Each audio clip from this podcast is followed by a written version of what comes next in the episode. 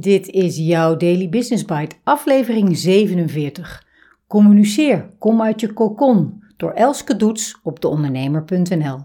En ik ben je host, Marja Braber. Je luistert naar Daily Business Bites met Marja den Braber, waarin ze voor jou de beste artikelen over persoonlijke ontwikkeling en ondernemen selecteert en voorleest. Elke dag in minder dan 10 minuten.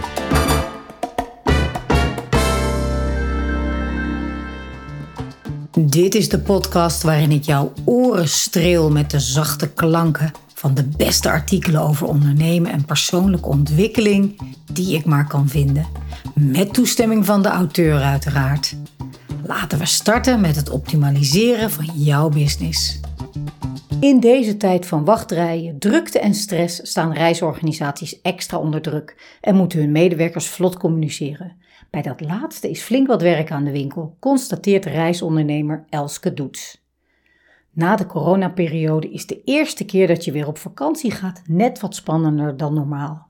Lukt het je om op tijd op het vliegveld te zijn? Zal je vliegtuig volgens afspraak vertrekken? Is er genoeg bagagepersoneel beschikbaar? En komt je koffer straks ongeschonden aan? Het zijn enkele twijfels die je kunnen overvallen bij een vertrek vanaf Schiphol of een ander vliegveld. Elke fout of onzekerheid die zich voordoet, bezorgt je net wat meer stress dan voor de pandemie. Het zal toch niet dat je eerste reis. Vandaar dat we bij doetsreizen extra ons best doen alles zo gladjes mogelijk te laten verlopen. En daarvoor is snel handelen en doortastend communiceren van levensbelang. Bij dat laatste, het doortastend communiceren dus, spring ik nu bij. Want wat blijkt?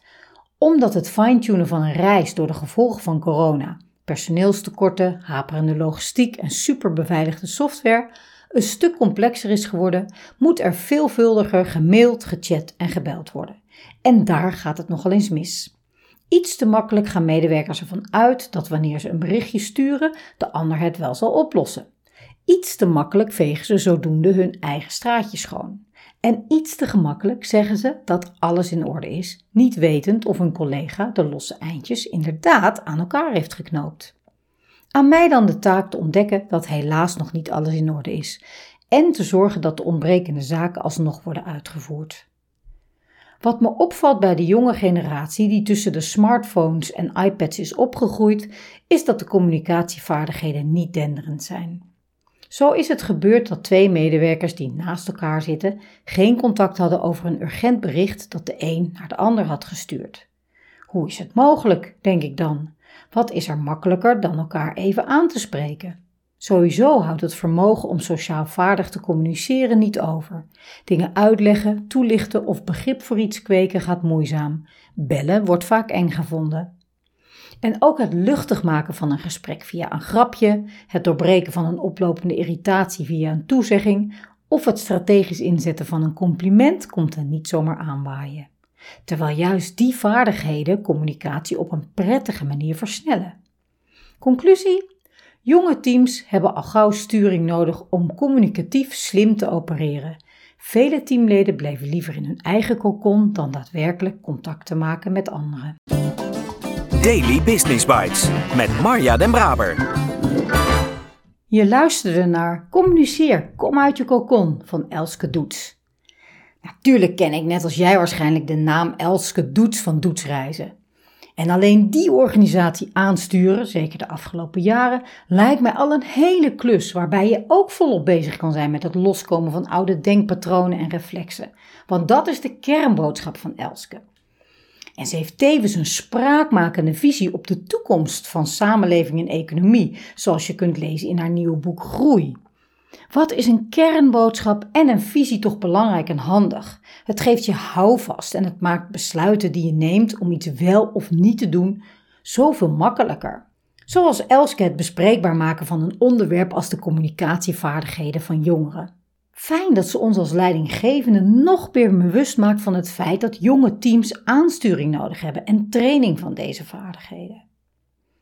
Maar ook verbaast het niet dat Elske een sociale stichting heeft opgericht, Buddybolt, waarmee ze een maatschappelijk probleem, namelijk eenzaamheid onder ouderen, aanpakt. Buddybolt is zoals we op de website kunnen lezen, De remedie tegen, tegen de krimpende leefwereld van senioren. Jongeren en ouderen met elkaar in contact brengen. Uit zoveel onderzoeken blijkt al dat dit zowel voor jongeren als voor de ouderen goed is. Daarbij is het voor de jongeren van Buddybot ook nog eens een betaalde activiteit. En ook de Young Lady Business Academy is een initiatief van Elske. Het eerste dat ik op de site lees: alle opleidingsniveaus welkom. Passie is wat telt. Gouden kansen voor jonge vrouwen, gratis en life-changing. Nu ik dit weer lees, weet ik dat ik eerder al gezocht heb op Young Lady Business Academy.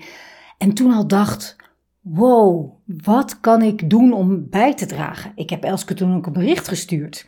Want bijdragen is wel mijn belangrijkste doel met alle 30 plus jaren werkervaring die ik nu heb. Dus Elske, als je dit hoort, mijn aanbod om bij te dragen blijft staan. En ik spreek je graag morgen weer.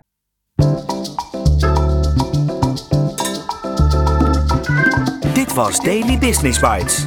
Wil je vaker voorgelezen worden? Abonneer je dan op de podcast in je favoriete podcast-app. Meer weten? Klik op de links in de show notes.